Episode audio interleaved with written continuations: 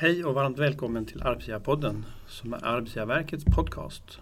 Med podden vill vi belysa all olika perspektiv, inspirera och sprida kunskap om arbetsgivarfrågor. Arbetsgivarverket är arbetsgivarorganisationen för de statliga arbetsgivarna. Mitt namn är Robert Klevarek. Med mig idag har jag två gäster. Mikael Klein som är intressepolitisk chef på Funktionsrätt Sverige. Hej Mikael! Hej!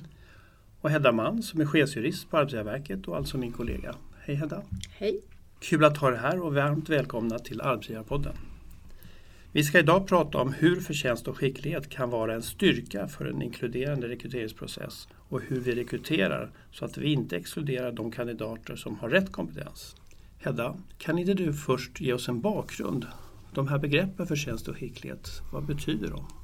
Förtjänst är ju ett ord som eh, betyder antal år i staten, alltså hur många år man har varit anställd i staten och är ett eh, begrepp som egentligen spelar ganska liten roll i eh, rekryteringssammanhang eftersom det är skickligheten som enligt lagstiftningen då ska sättas främst.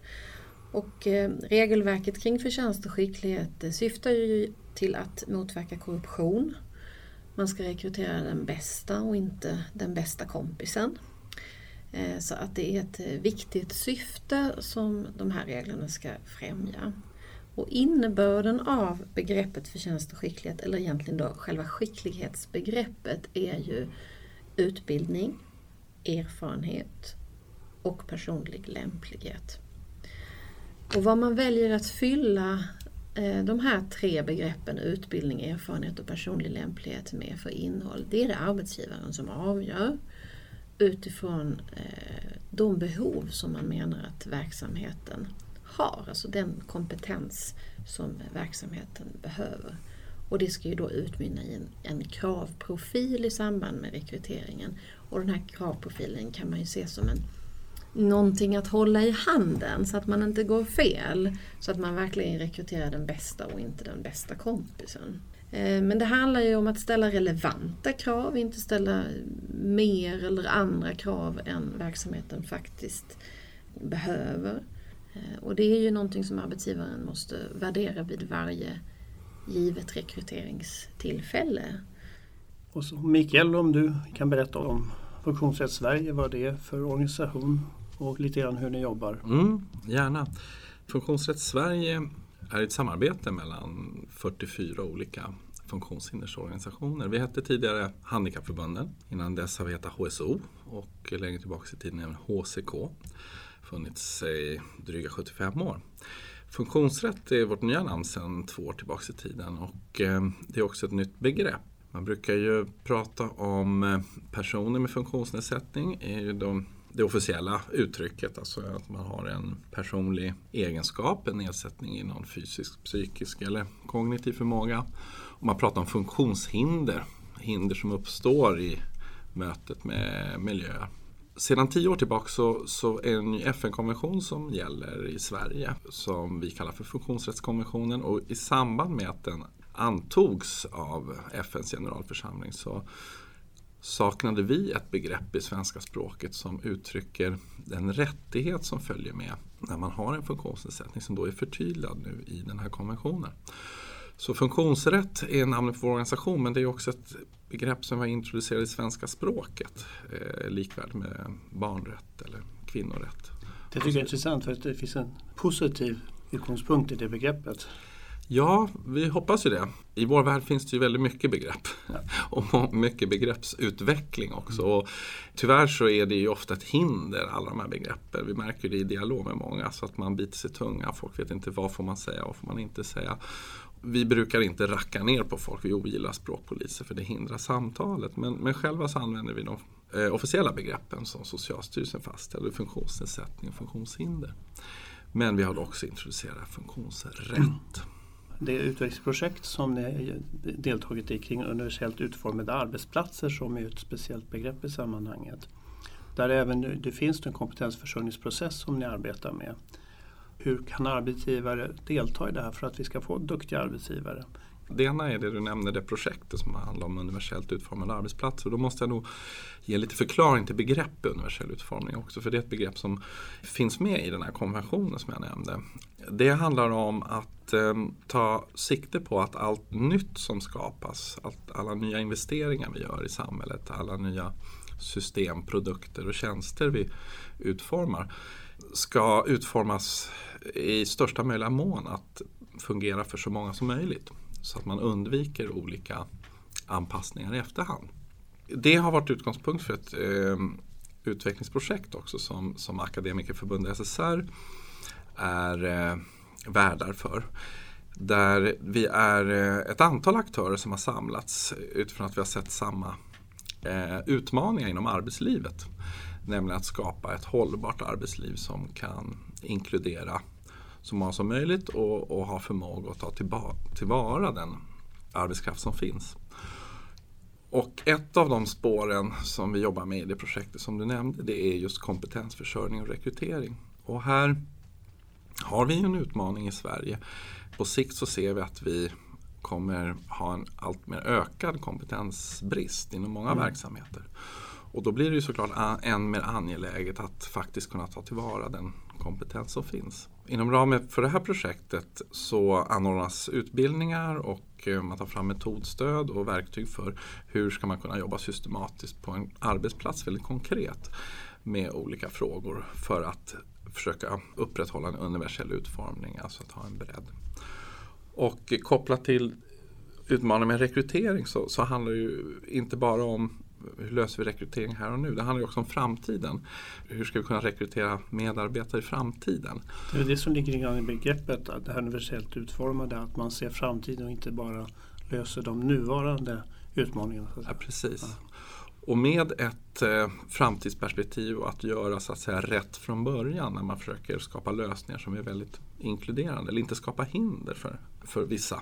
Så blir trösklarna lägre den dagen man ska rekrytera och ha personer exempelvis med funktionsnedsättning. Men det kan, universell utformning handlar inte bara om det utan det handlar om den mänskliga mångfalden i dess bredd. Det kan ju handla om eh, man har ett ursprung i något annat land eller man har andra kulturella, eh, en annan kulturell identitet. Så att det finns ju hinder även för andra grupper.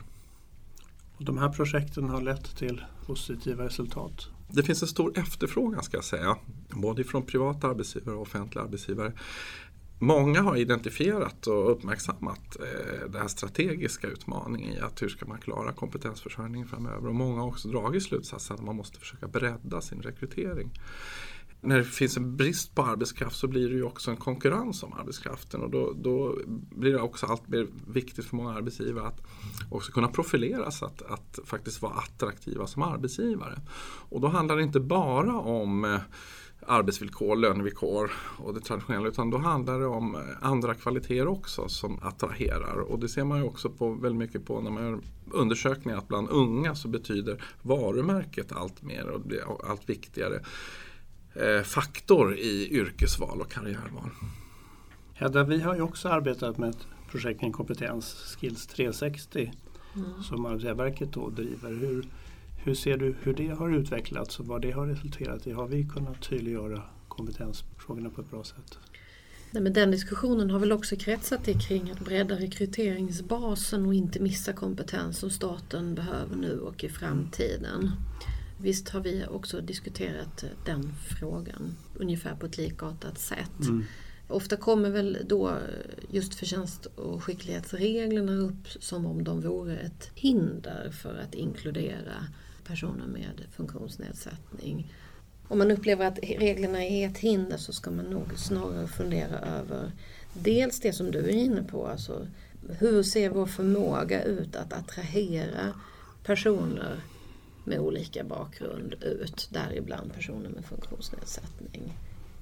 Kan vi vara mer kreativa eh, när det gäller att få vissa grupper att få upp ögonen för min myndighet som, som arbetsgivare, eh, som, som en potentiell arbetsgivare. För det, det, första steget handlar ju om att få de här personerna att överhuvudtaget söka. Eh, när man väl har fått dem att söka och hamnar i den här gropen att man tycker att reglerna om förtjänst och skicklighet är ett hinder. Då får man nog ställa sig frågan om det är ens egen analys av verksamhetens behov som är ett hinder. Eller om man tänker för snävt kring vad kunskap och förmåga är för någonting. Alltså givet då utbildning, erfarenhet och personlig lämplighet. Det är ju på något vis sånt som ska beskriva kunskap och förmågor. Där måste man nog då, om man tycker att reglerna om förtjänst och skicklighet är ett hinder, fundera över hur man själv närmar sig begreppen kunskap och förmåga. Vad är det för någonting? Jag tycker du är inne på ett jätteviktigt spår här. för att Reglerna i sig är det ju inte är det ju inget fel på. Det är alltså, vad, det, vad man fyller dem med för ja, innehåll. Precis. Och innehållet förfogar man själv över. Ja. Och det är ju som du sa att reglerna är till för att, inte, för att undvika korruption. Ja. Att hålla saklighet. Eh, att den med bästa kompetensen faktiskt ska mm. få jobbet. Mm. Och, och, här tror jag också det finns ett, en utmaning eftersom det här är ju, eh, gäller ju för statliga arbetsgivare. Och där också själva tillsättningen det är överklagansbart. Mm. Och det skiljer ju statliga mm. arbetsgivare från mm. andra arbetsgivare. Och det här tror jag skapar, jag ska inte kalla det osäkerhet, men man, man har en väldigt hög ambition om att det ska vara korrekt. Då tror jag tyvärr ofta det kan bli så i en situation om man har en, tänk en fiktiv situation att man har flera likvärdiga mm. sökande. Tror jag man tyvärr hamnar då lätt i att är det en av de sökande som har en någon, någonting som är lite obekant, en funktionsnedsättning eller ett annat modersmål, så hamnar man nog lätt i att man väljer bort när man har likvärdiga förutsättningar. Man också måste ha en kunskap om olikheter så att säga, för att kunna vara eh, verkligt neutral i mm. bedömningen. Så att säga. Om jag säger att det finns en risk att man tänker för snävt kring innebörden av kunskap och förmåga och vad det kan vara för någonting så tror jag ju, precis som du säger, att det kan vara en brist på kunskap. Om vi sen backar lite grann till det du sa om att man har två stycken personer som kanske är likvärdiga så väljer man det som man kanske upplever som en trygg gammal stig att mm. vandra på. Och så väljer man den då som, som inte har det här funktionsnedsättningen. Då är det ju faktiskt så att har du två likvärdiga personer så finns det ju regler i anställningsförordningen som säger att utöver förtjänst och skicklighet mm. så ska du också beakta arbetsmarknadspolitiska mm. skäl och, och, det är ju en sån mm. situation skulle mm. jag säga. Så att regelverket är återigen mm. inte ett hinder i den situationen. Men jag tror att det handlar väldigt mycket om att bredda rekryteringsbasen så att personer med olika bakgrunder faktiskt söker mm. jobbet. Därför att den situationen du beskriver, att du sitter med två stycken likvärdiga personer där den ena har en funktionsnedsättning och den andra har det inte. Mm. Den tror jag inte är så vanlig. Nej. Om vi då går över på action, rekryteringsprocessen. Vad, vad är det för förändringar vi behöver generellt sett? Vi antyder lite mindset-förändring men det kan ju också vara att man utvecklar arbetet, processerna för att utveckla det, för att skapa tryggheten och nå skickligheten, så att säga, kompetensen. Vilka är de viktigaste delarna här på generellt? Var ska man börja? Jag vill börja med att hänga på Hedda för jag tror att det, det finns en utmaning att få folk att söka eh, människor av olika anledningar säkert tror inte eller känner sig inte eh, tilltalade. Eh, när det handlar om personer med funktionsnedsättningar så kan det ju vara så att man har många negativa erfarenheter i bagaget. Tröskeln, eller ansträngningen, blir större så att säga. Va? Men det där är ju bara spekulationer. Men jag tror ju också att eh, det handlar inte bara om, om själva rekryteringstillfället, att man utfärdar en annons. Även om den är väldigt central också. Hur utfärdar man annons som gör att många känner sig Kallade, kallade eller mm. inbjudna. Mm. Men jag tror att det också hänger ihop med vad har man som arbetsgivare för varumärke? Alltså vad signalerar man utöver det som sker där i stunden om man ska tillsätta en tjänst? Kan man utveckla kanalerna för att nå det här som den bredaste möjliga kompetenspoolen som så många som möjligt att söka? Det är säkert en, en nyckel, alltså var syns man i rekryteringssammanhang? Men jag tänker också att var syns man även i andra sammanhang? Mm. Vilka värderingar signalerar man när man uppträder i olika sammanhang som inte nödvändigtvis är kopplade just till rekrytering? Hur blir man bemött när man vänder sig till myndigheten i frågor som kanske rör ens egen person? Alltså vilket intryck har man av statliga myndigheter när man själv har någon form av funktionsnedsättning? Det är många kontaktytor som, mm. som skapar bilden av myndigheten och som spiller över på om det blir en positiv eller mm. negativ association. Mm. Eh, om man kan tänka sig att jobba där själv eller, eller inte.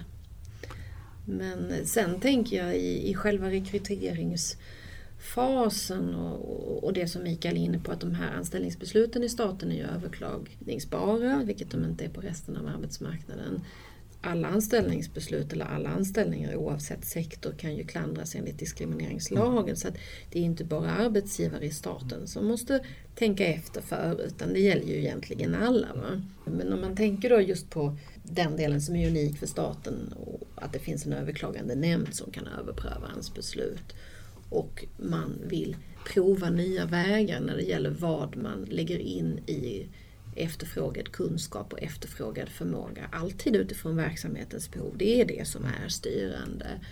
Eh, och man kanske kan känna då att man sticker ut hakan lite.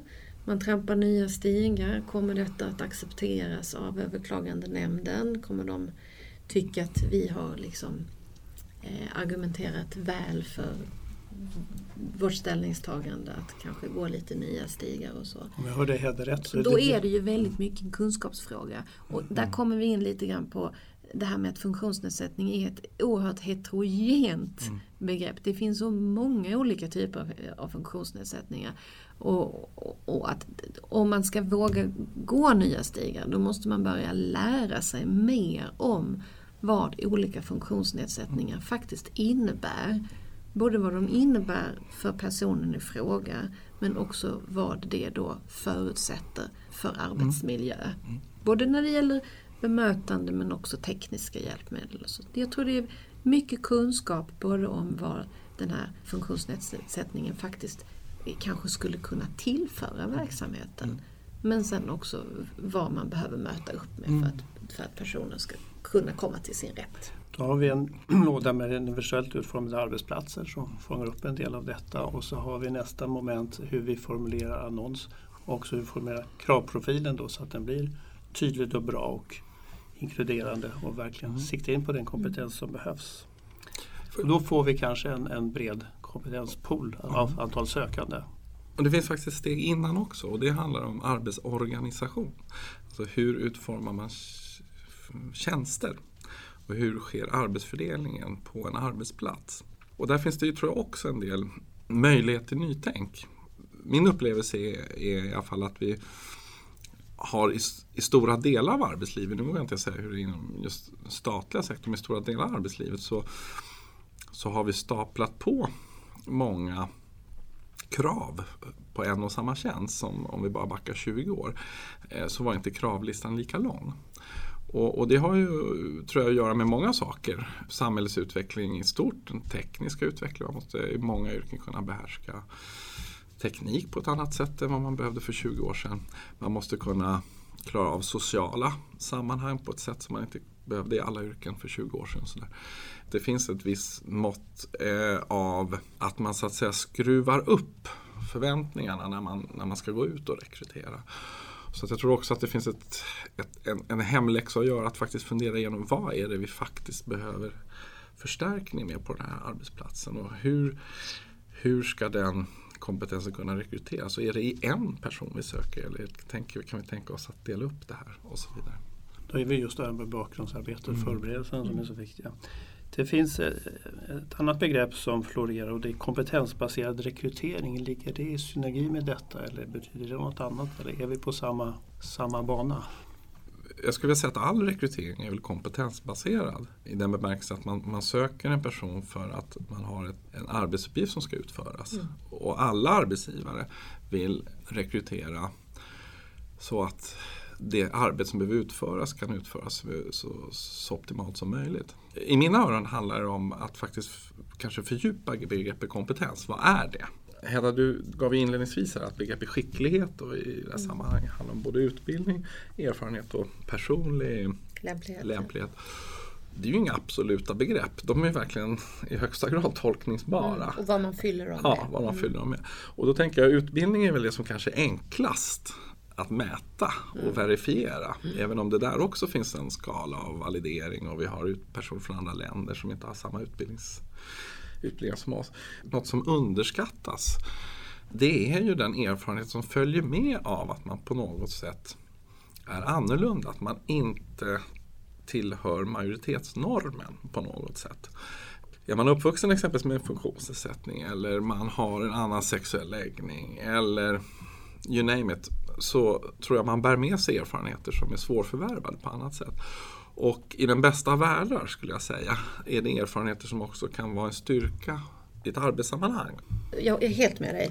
Men utifrån reglerna och, och då den här realiteten att beslutet kan överklagas så måste man som arbetsgivare då klura på hur man kopplar den erfarenheten till verksamhetens mm. behov. Alltså på vilket sätt kan jag se framför mig att den erfarenheten kommer berika mm. min verksamhet. Det är liksom, den länken måste man få till och det tror jag är fullt möjligt. Mm. Men man, man måste tänka efter där. Kan en funktionsnedsättning, vilken den nu än kan vara, i sig innebära att jag fyller en brist mm. som jag har idag. Det kan ju både vara alltså själva funktionsnedsättningen om det till exempel eh, ger mig andra kognitiva mm. förmågor. Eller det kan vara de erfarenheter som funktionsnedsättningen har fört med sig genom mm. livet. Va? Det är ju en sån fråga som man bör ställa mm. sig när man ska formulera sin kravprofil. Och sen så att inte ställa andra krav än de som faktiskt är nödvändiga. Och idag hörde jag en myndighetschef som kommer från en expertmyndighet som sa att hon har gått, hon har omvärderat det här när hon rekryterar, att um, rekrytera en expert. Hon har istället gått över till att rekrytera till en statlig myndighet. Och det intressanta är att de har fått uh, många fler män bara genom den förändringen. Mm. Därför att expertfrågan i sig tenderar kanske kvinnor i största i större mm. utsträckning mm. intressera sig för. Det var intressant. Ja, men det, mm. det, är liksom, det är en liten förändring mm. i mindset som ger ett annat inflöde av sökande. Jag tyckte att det där tålde att läggas på minnet faktiskt. Nu har vi den här poolen många sökande. Hur går vi vidare? Hur gör vi det första urvalet av de här 150 som har sökt? För tre år sedan var det 50 som sökt, nu är det 150. Vi har ju lyckats bredda då rekryteringen. Hur går vi vidare? Nästa steg i urvalsprocessen. Men det är nu vi har den här ledstången att hålla oss till. du har ju din kravprofil som du har ställt upp och det är den som ska utgöra sorteringsmaskinen. Eh, och upptäcker du då att nej men jag tänkte fel när jag satte upp den här kravprofilen då är reglerna så finurliga så att jag kan avbryta min rekrytering och göra rätt. om kravprofilen mm. utifrån de nya insikter jag har fått. Det, det är liksom mm. ett svar på din fråga. Men sen när det gäller då hur man sorterar ut i förhållande till kravprofilen eller den här ledstången som är min trygghet. Eh, då måste man ju som arbetsgivare ha någon idé om de, de kunskaper och de eh, förmågor jag har efterfrågat. Hur ska jag ta reda på att de sökande besitter dem. Och det kan ju vara alltifrån eh, kluriga frågor, det kan vara arbetsprov. Det viktiga är ju att man behandlar alla likadant. Hur börjar man urvalsprocessen? Är det, om vi säger att vi är 150 sökande och så säger vi att vi måste hitta ett urval bland, plocka fram de 20 eller 30 eller 40? Av ansökningshandlingarna där det framgår att man uppfyller ska-kraven och då är det ju utbildning och erfarenhet som i det första läget går att värdera. Den personliga lämpligheten vet man ju ingenting om ännu. Alla de som eh, bäst uppfyller ska-kraven när det gäller utbildning och erfarenhet, de ska man ju kalla. Utifrån det här perspektivet är det ju att säkerställa just att ingen som är behörig och kompetent blir bortsållad. Mm. För det, det, är ju det regelverket ska säkerställa. Då, då blir det ju väldigt viktigt att eh, säkerställa att, att bortsållningen sker på sakliga grunder. Ja när man kommer ner till någon, någon, någon, mindre grupp eller står inför det sista urvalet. Då tycker jag att då finns det ett antal sådana slags plusfaktorer man skulle kunna lägga in i begrepp erfarenhet. Rekryteringen handlar ju om den tjänsten där och då och en person där och då. Men det handlar också om eh, liksom en, en långsiktig strategi för hur, hur ser sammansättningen ut totalt på den här arbetsplatsen. Så, en mångfald berikar. Inte bara liksom ur ett slags humanistiskt perspektiv utan att man är bättre på problemlösning, man är bättre på, man blir produktivare och så vidare än en, en väldigt homogen arbetsgrupp med, med likvärdiga eller liknande erfarenheter. Och, och det, det momentet ligger lite grann i planeringen. Ja. Vad är det för typ av kompetens Ja. vi behöver den här gången för att komplettera den övriga? Absolut, men eftersom man inte kan rekrytera bara på grundval av att på den här arbetsplatsen har vi bara svenskfödda, alltså behöver vi öka vår rekrytering bland utrikesfödda så kan man inte rekrytera enbart på grund av det. För då bryter man ju mot regelverket. Så, så någonstans måste man, tycker jag, eh, och jag vet inte om det funkar, jag ställer frågan, men, Ja. men hitta sådana parametrar som kan vara liksom, så att säga, plusvärden utan att man slår över i positiv särbehandling, va? vilket ju liksom blir något annat. Eh, för det måste fortfarande vara på saklig grund men, men då vill jag ändå hävda att det, det finns en saklig grund i att en bred erfarenhet helt enkelt är bättre. Hur Eh, går vi vidare då för att få fram den här skicklighetsurvalet till nästa steg? I alla de redskap och metoder man utvecklar att man även där säkerställer att man inte bygger in metoder som blir osakligt eh, utsållande. Jag tror att vi alla agerar utifrån att behandla andra, alla lika. Jag tror liksom ingen, ingen agerar med flit fördomsfullt eller med flit utsorterande. Och i synnerhet tror jag inom statliga världen så tror jag man är, har en hög ambitionsnivå att, att det ska gå korrekt till. Så som Hedda var inne på lite, att det kräver en viss kunskap tror jag om olikheter. Man måste ha en viss Och vad det förförståelse. kan tillföra Ja. och på vilket sätt det kan berika verksamheten. Det är, det är den där Ja. kedjan man måste känna sig trygg i för att våga sticka ut hakan och efterfråga något nytt. Vad tycker du Hedda, hur kan vi utveckla rekryteringsprocesserna? För att utveckla det? Ser du någon, några metoder eller tankegångar för att utveckla dem? Själva processen efter det att kravprofilen är färdigställd. För det är grundkursen i staten, en tydlig kravprofil. Det Ja. liksom det tror jag är, är förhållandevis oproblematisk så länge man håller sig till kravprofilen och använder den som sorteringsinstrumentet. Det är kunskap före kravprofilen. Både vad personer med eh, funktionsnedsättning kan tillföra men också vad verksamheten faktiskt behöver. Så det, det är där man ska lägga krutet och hur man kan attrahera personer med olika bakgrund att närma sig den här myndigheten som man då ska rekrytera till. Vad ser du Mikael som representant för Funktionsrätt Sverige? Finns det, du har ju nämnt en hel del, men finns det något specifikt som du tycker staten behöver bli bättre på som arbetsgivare? Någonting behöver ju statliga arbetsgivare göra för att rekrytera fler personer med funktionsnedsättning. För här sticker ju statliga arbetsgivare ut eh, jämfört med andra arbetsgivarkategorier. Det kan ha att göra med det här med överklagandemöjligheterna och så som finns. Det finns säkert ett samband. Men jag tror statliga arbetsgivare, precis som, precis som alla andra arbetsgivare, behöver ju ta sig an utmaningen med den framtida kompetensförsörjning och inse det strategiska av att behöva bredda sin rekrytering. Och då tror jag det finns otroligt mycket som kommer före själva rekryteringstillfället och det handlar nog också väldigt mycket om att utveckla arbetsplatserna som finns redan nu. Att skapa en större tillgänglighet, att undanröja hinder innan de är påtagliga. Så. När det kommer till vissa typer av funktionsnedsättningar så finns det ju också rent praktiska hinder.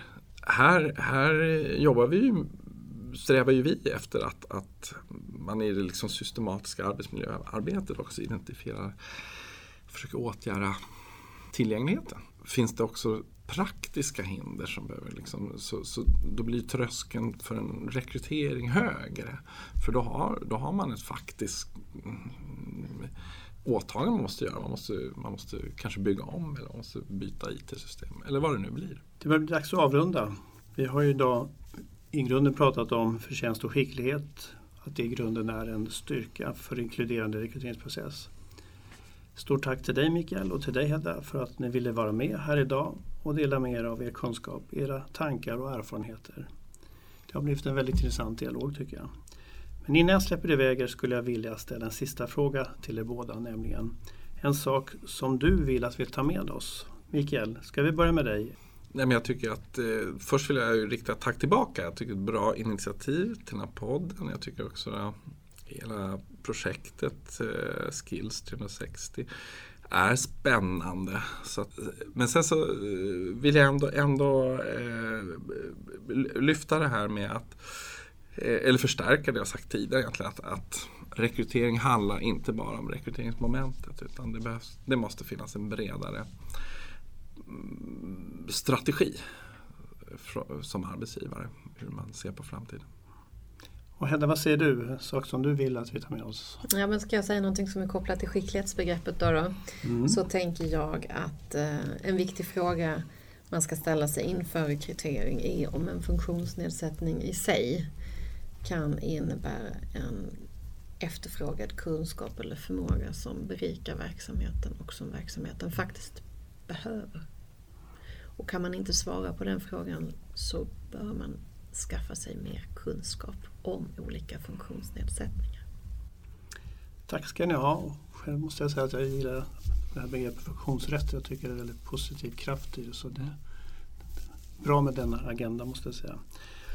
Och tack till dig som lyssnat. Om du har några frågor eller förslag på ämnen som du vill att vi ska prata om i podden, hör gärna av dig till oss på arbetsgivarpodden snabel arbetsgivarverket.se. Mitt namn är Robert Kvarek. Vi hörs snart igen. Hej då! Hej då!